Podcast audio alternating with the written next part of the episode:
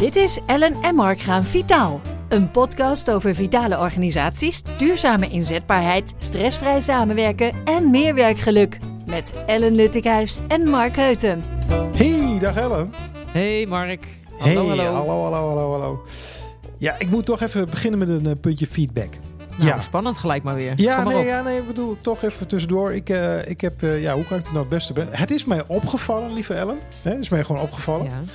Eh, dat eh, aan deze kant van het mengpaneel eh, niets staat wat lijkt op gebak. Maar dan ook helemaal niets wat lijkt op gebak.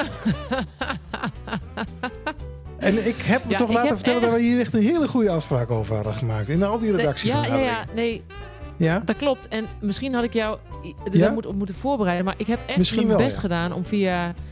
En dan moet je maar wegbliepen zometeen in, eh, eh, bij de uitzending. bliep maar, helemaal niks de- weg. Via Greets, of moeten we dan ook andere partijen noemen? Nee, via Greets, Nee, dat, doen, dat sturen ze niet naar Spanje. Nee? Nou, is het zo. Nee, ik maar dat is gewoon even, even, een- even een tip voor de volgende, voor de 21ste. Hè? Want is- je kunt ook een 21 feestje houden. Eh, dat is dat je DHL heb je. Gewoon DHL, ken je dat? Oh ja. Ja, dat Ja, zit hier echt ja, overal ja. heen. Kun je echt sturen wat je wil. En je kunt zelfs gewoon de plaatselijke panderia bellen en zeggen: je wil even een Maar- taart naar eh, die hut te sturen. Ja, kan ook. Ik wou net zeggen, dan krijg je Spaans gebak. Ik bedoel, Nou, ja, en dat kan ik je aanraden. Spaans gebak is overigens vanuit een vitaliteitsperspectief. Zou ik het niet aanraden, want ik heb zelden zo'n zoet gebak meegemaakt als Spaans. Het is ook allemaal chocola, hè? Ah, gadver. Maar Mark, Ja, Ellen. mijn oprechte excuses. Nou, het hoeft niet hoor. Daarvoor. Het hoeft niet. Maar ja, ja, ja. Ik vind het toch wel een. eh, Ik ja. zat nog een beetje in mijn goede voornemens flow. Je zit in je goede voornemensflow. Oké. Ja, Eh, en dat, en dat, dat betekent dan dan komt taart niet door mijn hoofd. ook geen karottaart, geen wortelgedoe, niks. Nou, zie je echt. Met heel veel carrot is en heel weinig suiker, dan zou het kunnen. Ja, maar dan denk ik niet dat jij eh, je tanden erin zet. eh, nou, nou, nou, onderschat je mij, hè? Nee, nee, nee. nee. Maar goed. Zeg, eh, genoeg over eh, gebak. Eh, het, is, het, is, het is prima. Ik, ik hou het gewoon te goed. Zeg, oké. De, de twintigste aflevering. De vorige keer uitgebreid gesproken over de SpaarFit app, hè? Superleuk, want die SpaarFit app heeft het in zich om mensen iets te laten doen. En dat, heeft, dat, is, dat is op zich niet zo uniek. Maar die normaal gesproken mensen die daar vaak niet aan meedoen. Dus dat is wel Ja. echt super gaaf. heb je ja, nog iets... dat is echt ook gaaf. Heb je nog iets in de punten gescoord in de app of niet? Heb jij nog eh, wat? eh, Nou, nou, niet zozeer punten gescoord in de app, maar wel even, ik wil nog wel even eh, over die app eh, eh, kwijt. Wat, wat ik heel tof vond, is dat je dus met die app, en ehm, ik werk er nu ook in de praktijk al mee bij een opdrachtgever, en dat is gewoon heel, heel gaaf om te zien, is dat je ehm, echt wel medewerkers, het gaat gewoon leven. Dus daarin speelt ook echt wel, weet je, die continue activatie, die zichtbaarheid, die wordt gewoon echt vergroot. En dat is echt een stuk, ja, ik zie het een beetje als een hybride programma dan. Hè? Dus je hebt deels via de app en deels wordt offline gefaciliteerd. Maar hij is gewoon heel gaaf. Dus eh, ja, mocht je die podcast nog niet eh, geluisterd hebben, ga zeker nog even luisteren naar die eh, podcast. En eh, ja, het is gewoon heel gaaf. Dus dat wilde ik het eigenlijk nog even over zeggen. Nou, super. Mooi. Ja, positieve reacties ook gehad op die Sparfit eh app. Althans over die uitzending daarover. Dus eh, ja, inderdaad, luister toch een keertje terug als je het interessant vindt. Het is het nieuwe jaar. En eh, in het nieuwe jaar ook altijd weer nieuws natuurlijk. Dat eh, gaat altijd mee weer gewoon door. En ook op het gebied van vitaliteit. Gelukkig maar. Dus ik zou zeggen, laten we daar dan mee Het. Vitaaljournaal met Ellen Luttikhuis. Ja, die hebben we lang niet meer gehoord, Ellen. Heel lang. Ja. Ik ben blij dat ik hem weer hoor. Ja? Ja, want er Ja, is... eh, Het is gemist. nieuws in de categorie dat het eigenlijk geen nieuws is, maar het is meer nieuws volgend op eerder nieuws. Hoe cryptisch kan ik dit maken? Ja, Nou, vertel. nou het is eigenlijk een up- update op eerder nieuws. Hè? Ja. Dus het is natuurlijk al een bekend eh, besproken onderwerp in 2023. Eigenlijk al in 2022. Ehm, maar er zijn daarvoor. gewoon nieuwe cijfers. En ik vond dat wel, eh, ja precies, eigenlijk al eh, volgens mij al vlak voor corona. En tijdens corona werd het helemaal heftiger. En nou... maar er, zijn, er is een update van de cijfers uit onderzoek weer. Dus ik dacht, dat, dat is de introductie zeg maar, van, van deze podcast. En ehm, ja, dat is toch weer de burn-out. Ehm, dat de burn-out percentages onder medewerkers eh, bij bedrijven is weer gestegen. En nou ja, nou is dat misschien niet zo schokkend voor, eh, voor iedereen die hier nu naar luistert. Maar wel gewoon dat, eh, ja, procentueel is het echt wel fors toegenomen, vind ik. Want je hebt het over misschien in een jaar, anderhalf jaar tijd, heb je het over 3% toename. Dus het is van 17 naar 20% eh, gestegen. Ja, dat vind ik wel. ehm, ja, daarmee zet je eigenlijk al gelijk eh, het thema eh, mentaal, hè, mentaal welbevinden. Zet je eigenlijk op de agenda in eh 2024 weer. Dus ehm, Mhm. ja, vond Ja. ik een mooie om aan te stippen. Ja, ja, en het is, om het even in de context te schetsen, er is een nieuw rapport. Hè? Het, is, het, is, het, is, niet- het is weer nieuw, zeg maar. Waaruit, Ja. waar, en dat rapport is min of meer een soort bericht van hoe die cijfers zich ontwikkelen. Ehm, Ja. En dat komt er nu feitelijk op neer dat één op de vijf werknemers in Nederland ervaart burn-out klachten. Heb ik hem dan zo goed Ja, samengevat? of niet? precies. Ja. Dan heb je hem goed samengevat. Ja. En ja, het, het gevaar wat dan een beetje om de hoek komt kijken, is dat we allemaal met z'n allen gaan denken dat we een soort van burn-out crisis eh, krijgen. Dus daar, eh, ik dacht dat is misschien wel een hele mooie eh, om daar wat praktische tips voor vandaag eh, ook eh, voor mee te geven. Dus daarin het gesprek met jou ook aan te gaan. En je hebt Mhm. ook wat ervaring in eh, qua op de werkvloer en vanuit jouw, eh, eh, vanuit jouw professie. Dus ja, dat lijkt me een goed, eh, goed onderwerp. En maar toch even ter nuance en eh, Ja. eh, even kritisch. Eh, jij zegt het gevaar dat erin zit is dat je dan een soort burn-out crisis gaat voorstellen. Maar ja, als één op de Ja. vijf mensen met de werknemers met dit soort klachten rondlopen, dan, dan dat is toch ook wel heel erg veel. Ik bedoel, Ja, dat is heel erg veel. En het, ehm, eh, het is alleen wel zo dat ik, ehm, dat ik de overtuiging zelf heb. Hè, Mhm. eh, en eigenlijk zetten de cijfers alleen maar meer kracht bij besteed eh, aandacht aan je mensen. Hè, dus ga meer naar die mensgerichte organisatie. mhm. Eh, dus vandaar dat ik dat ook een beetje probeer te relativeren.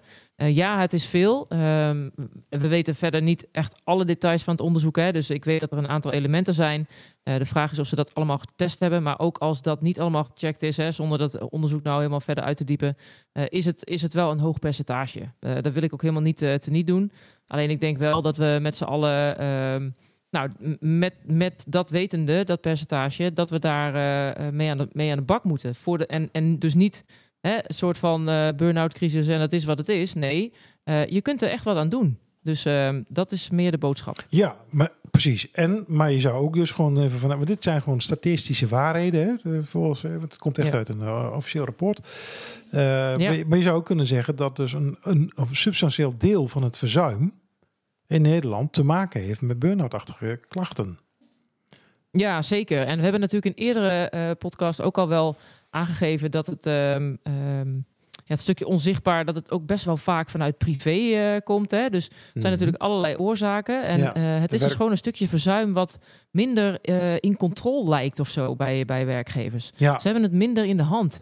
daarmee En- bedoel je, ja, het, het het kost wordt wel niet, heel veel geld. je bedoelt het wordt niet, niet direct veroorzaakt op de werkvloer, maar het heeft wel effecten op de werkvloer. Is dat wat je, wat je, zegt, wat je zegt? Het kan vanuit privé Ja, komen? ja, ja.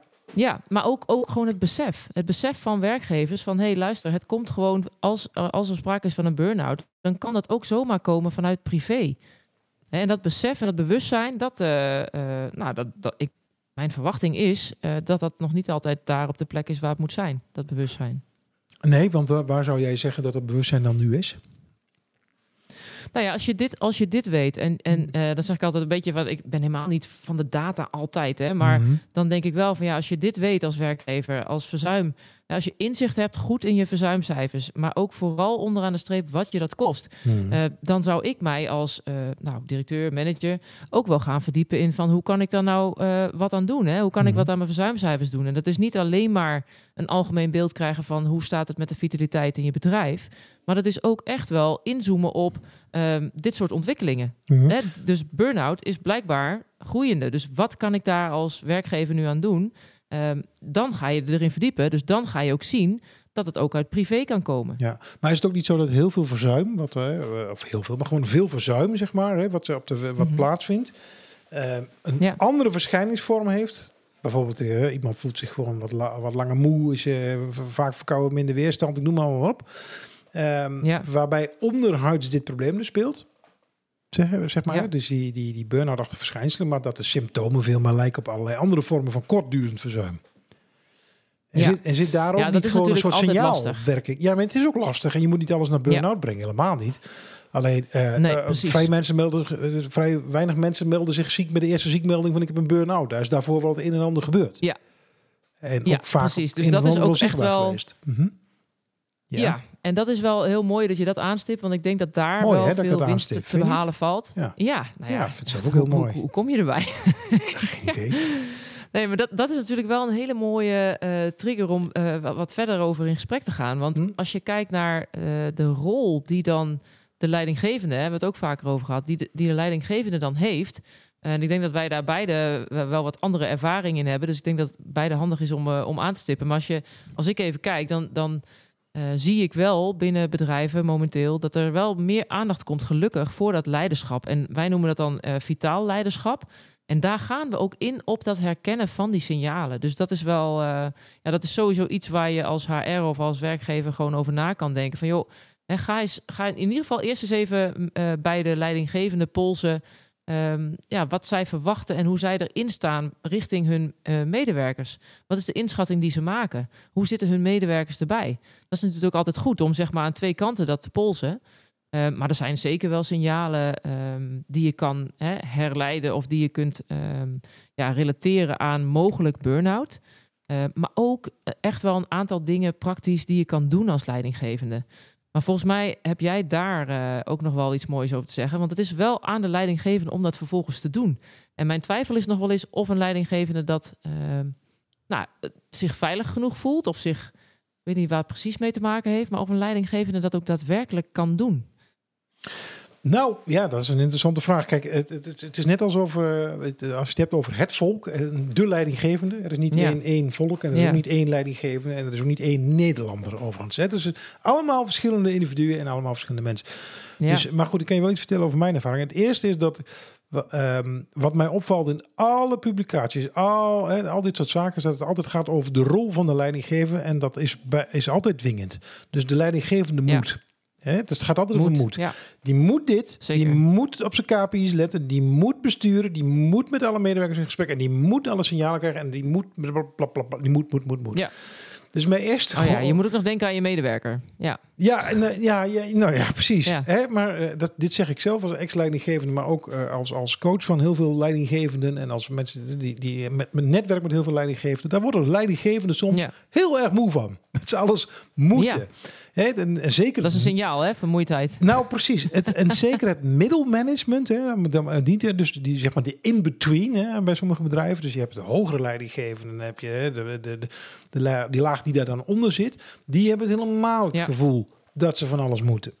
Hè, en, of, Ja. en dat is niet alleen een gevoel, dat wordt ook gewoon gezegd. En ehm, dus de, mijn eerste oproep is, ja, ik ben het helemaal met je eens, Ellen. Hè, dit, dit is een rol Mhm. voor de leidinggevende om te signaleren hoe het met die, moet, Ja. met die medewerkers gaat. Maar ik vind het ook een rol voor de werkgever. En dan ga ik dus even helemaal de andere kant op. Om nou eens een keer Mhm. te letten op die leidinggevende. Dus, ehm, en, want daar is namelijk ook gewoon een mens.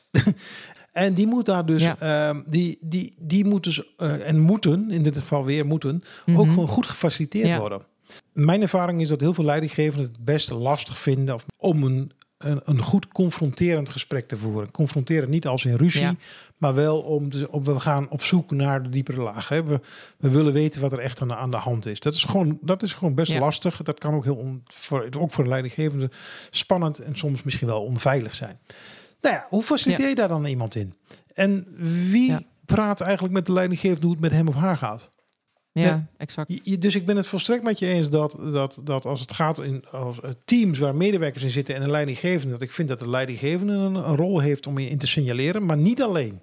Ik vind ook dat de leidinggevende Nee. van de leidinggevende iets moet doen. En ik vind ook dat teamleden zelf iets moeten doen. Want die weten namelijk. Nou, dat wilde ik net Prima, aanvullen. Want hè, wat de medewerker de zelf heeft natuurlijk ook wat Ja. te doen. Ja, en Ja. dat hoor ik ook steeds meer terug van, eh, van onze opdrachtgevers. Van, ja, weet je, wij willen ook wel graag dat een medewerker een stukje zelfregie pakt ja, daarin. ja, moet hij zeker weer de Dus zelfregie dat is pakken. eh, zeker waar. ja, nou ja, hij moet zelf regie Nee, pakken. maar ja. gewoon, nee, maar, maar- ja, maar vanuit Nee, en het is ook wel- ja. Eens Het verder, is ook wel vaak zo, waar ik, waar ik dan ook vaak aan, aan, aan denk, hè, als je over dit thema praat, is dan eh, dat, die, die ijsberg. Nou, die ken je vast wel, hè? Ja. Dat, ge- eh, dan, dan met die heb je Titanic, hè? die ijsberg ging er tegenaan. staat, eh, ja. ja, maar dan net anders. Oh, ja. ja. Maar je, je, je- we zijn op de werkvloer vaak bezig met dat alles wat daarboven is. Ja. Hè? En dat is gedrag en kennis en vaardigheden. En wat doen mensen? Dus dat is ook ja, logisch. Eh, wat werkgevers zien wat leidinggevenden doen, maar wat leidinggevenden ook weer zien wat medewerkers doen. Dus dat is het stukje wat zichtbaar is. Maar waar echt nog te weinig aandacht voor is, is vaak inderdaad een stukje onder die ijsberg. Inderdaad, hè? wat zijn nou de opvattingen, de overtuigingen en de normen van die medewerker? Wat wil die nou echt? Wat vindt hij nou echt? En wat zijn zijn, drijf, zijn of haar drijfveren en, en waarden? En hoe is het karakter? allemaal dingen die, ehm, nou, die, die eigenlijk als praktische tip die het gesprek in ieder geval kunnen vergemakkelijken. Laat ik het dan even zo Mhm. zeggen. Ja. Ehm, en waarbij je wel dus inderdaad een stukje drempelverlaging creëert, waardoor dat eh, die effectieve dialoog dus wat misschien wat beter op gang komt. Ehm, ja, en dan, en dan kun je aan een aantal dingen werken. eh, als je het hebt over hè, het voorkomen van mogelijke burn-out. Eh, ja, er zijn echt wel wat praktische tips die ik ook nog wel graag zou willen meegeven. Om, dat, om dan het percentage nog maar eens een keer weer eh, naar beneden te halen. In plaats van dat het weer eh, oploopt de komende jaren. Ja, want het belangrijkste is natuurlijk met burn-out is dat daar zit een, eh daar zit een soort voorstadium vaak in. Hè? Dus er zijn eerst andere klachten die uiteindelijk, en dan als je de brug over bent om het zo maar te noemen, dan is het ook vaak echt rigoureus te laat. En dan is het ook, zit je ook op, Ja. op langdurig eh, afwezigheid en verzuim. En nou is verzuim één ding, maar eh, het is het, het welbevinden van die meneer of mevrouw in kwestie, dat wil je, dat wil je niet. Ja. Dat, is, dat is heel, Nee, heel en als je- onprettig. Ja. Mhm. Als je dan kijkt, hè, Mark, naar, die, naar de Ja. signalen van, van burn-out, dat is ook wel echt een uitdaging, omdat dat gewoon ook wel deels overeenkomt met iemand die gewoon even kort eh, eh, ziek, zichzelf ziek meldt. Hè, en een kort verzuim. Want ja, moeheid, ja, we zijn allemaal wel eens moe volgens mij. Ja. Of eh, eh, dat hij een keer, dat een medewerker een keer emotioneel is, ja. Of minder productief. Ja, dat zijn allemaal, als je het uitzoekt, hè, allemaal signalen van eh burn-out. Mhm. Eh, werk en privé zijn uit balans. Ja, is ook bij iedereen wel eens iets volgens mij. Ja. Hè, of dat een medewerker zich va- vaak ziek meldt, dat zou dan wel een zeker. En dat is dan Ja. wat mij betreft een heel duidelijk signaal van mogelijk burn-out. Dus de frequentie waarmee een medewerker zich ziek meldt. En gewoon hoe zit de medewerker erbij? Hè, daarom zijn we ook wel best wel voorstander van eh, ga- eh, eh, dagstarts of weekstarts. Weet je, gewoon als leidinggevende altijd eventjes checken of iedere dag of iedere week van hoe zit je erbij? Hè, zo'n, dat is een hele praktische. Dus dat, is- dat is sowieso een mooie. Ja, maar hoe zit je Ehm, erbij en dan, en dan zit iemand er niet zo goed bij en, en, en- en, dan? Ja, dan is dat natuurlijk wel een signaal. En het is Hmm. natuurlijk, het ligt er heel erg aan hoe veilig een team, hè, een medewerker Precies. zich ook binnen dat team voelt om op dat moment meer te gaan praten. Of eh, als, hij dat, als diegene dat niet doet, ja, dan, dan heb je wel als leidinggever natuurlijk dat signaal ontvangen. En dan kan je in een gesprek meer één op één natuurlijk daar wat eh, eh, verder over, over uitweiden. Mhm. Ja. Maar wat ik ook wel belangrijk vind, is dat je ehm, kijkt van, zijn er ook andere dingen? Want we hebben het natuurlijk vaak gehad over dat gesprek. Hè? Ga het gesprek aan en dat blijft ook echt wel fundament.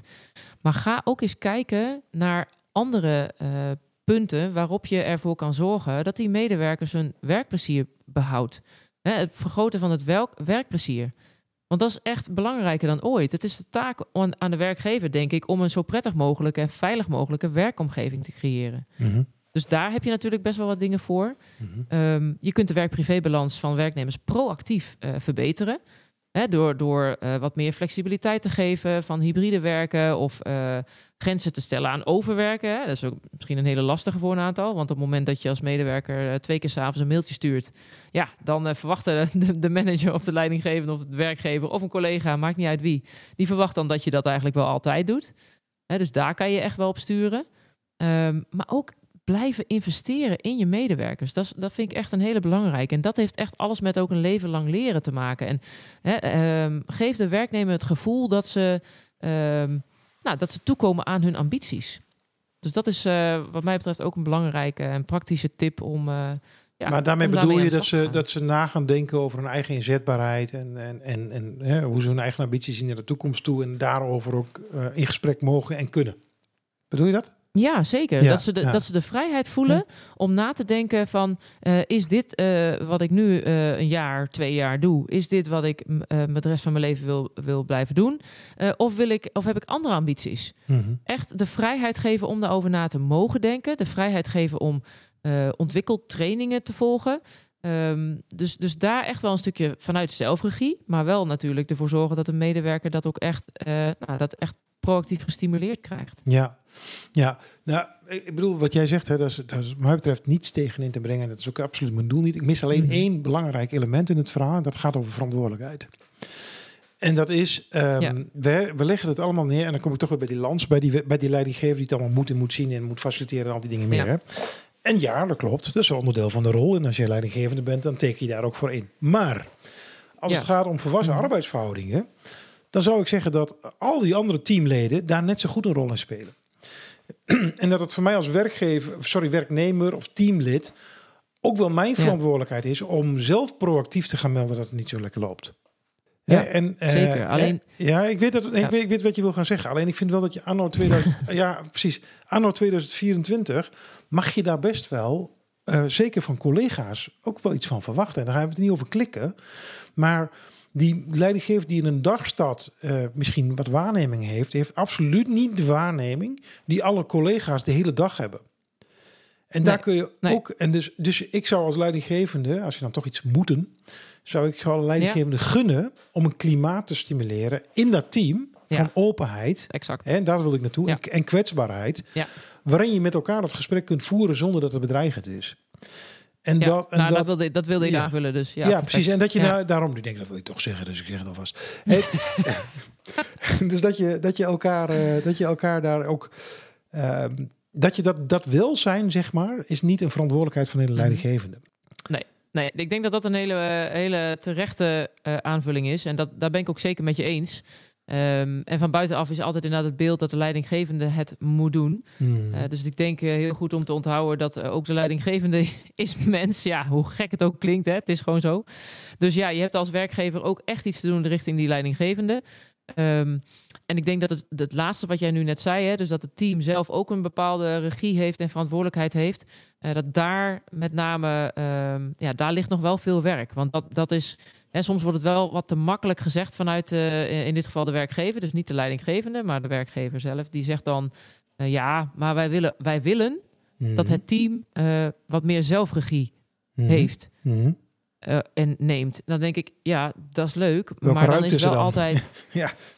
welke ruimte is er? Ja. En eh, ben je je bewust van wat dat betekent, zeg maar, in de praktijk? Want Ja. dat is niet een proces wat je binnen een week even geregeld hebt. Nee. En daar, en da- daar kijken ze nog wel eens anders tegenaan.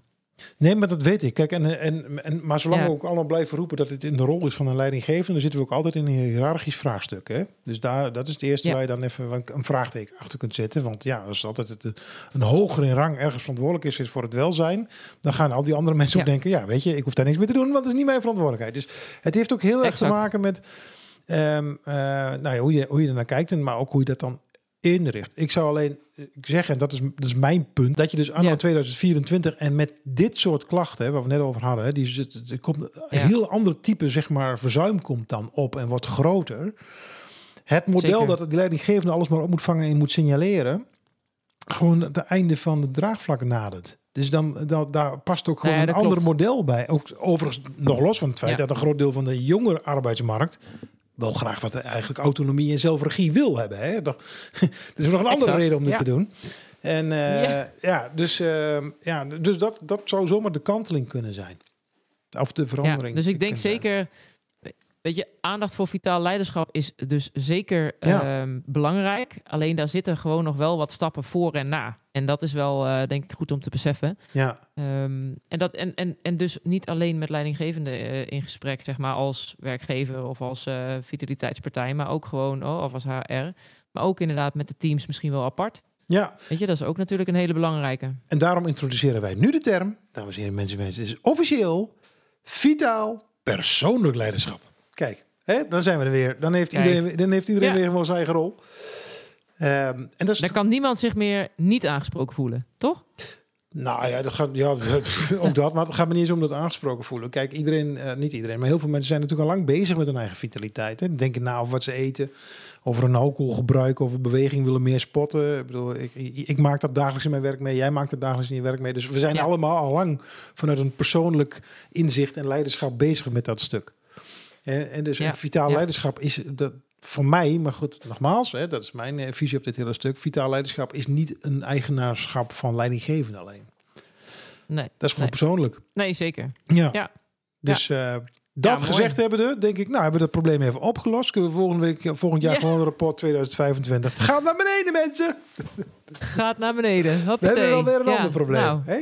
Dus dat. En door. Nee, maar goed, inderdaad. Het, het, het, is echt wel ehm, een belangrijk eh, punt op de agenda in 24. Dus dat is misschien ook wel een leuke eh, afsluiter dan eh, voor, deze, voor deze podcast. Dat het gewoon ik, ben, ik ben echt wel benieuwd ehm, naar ja, wat gaat 2024 ook brengen qua eh, vitaliteit op de werkvloer. Ik weet dat er meer nadruk op ligt. Ik weet dat het op steeds meer eh, agenda's eh, terugkomt. De Rijksoverheid is er ook mee aan de slag. En ook waar we nu ook langs gaan bij bedrijven, vinden we gewoon het mentaal welbevinden. Ja, dat komt eigenlijk bijna in ieder gesprek terug momenteel bij ons. Ja. Dus Ja. ja, Nou, ik hoop eh, echt dat het de aandacht houdt die het, eh, die het heeft. En dat het nog, nog, nog wat toeneemt. Je hoort ook eens over wat andere, andere geluiden. Hè, van, eh, mensen die daar, ook daar ook daarbij anders naar kijken. Maar Ja. Nou, vanuit een, volgens mij ook vanuit een arbeidsmarktperspectief. En de verantwoordelijkheid die je denk ik zeker als werkgever hebt. Maar dus ook als werknemer hebt. Is, is het volgens mij niet weg te denken thema in 2024. En de jaren nee, daarna. precies. Dus dat gezegd hebben, Ellen. Zou ik zeggen, Ja. eh, we moeten nadenken over hoe dat gebak deze kant op komt. Althans, ik hoef daar niet heel lang over na te Oh, ik dacht denken. dat ik er vanaf was voor vandaag. Nee. en kunnen we deze... Ja, ik heb kun- iets opgeschreven. Ja? Ik heb, eh, ik heb drie letters opgeschreven. Mark. Ja, wat dan? Nee, nee, nee, nee. Ik heb drie letters opgeschreven. Oh ja, aan DHL heb je einde. opgeschreven. DHL. Ja, ja. DHL. DHL heb ik opgeschreven. DHL, ja, Salesforce zit hier niet zo ver vandaan. Ja, gewoon via onze Duitse vrienden. Ja, hartstikke goed. Ja. Nou, leuk. Dus, nou, Ik, eh, ik wacht met, eh, met eh, gezonde, gezonde spanning af in deze. Ja. en ik zeg eh, tot de volgende keer voor een nieuwe aflevering van Ellen en Mark gaan vitaal. Tot de volgende yes, keer. tot de volgende. Dit was Ellen en Mark gaan vitaal. Wil jij meer informatie over deze podcast? Stuur dan een mailtje naar ellen.vitaalwerkt.nl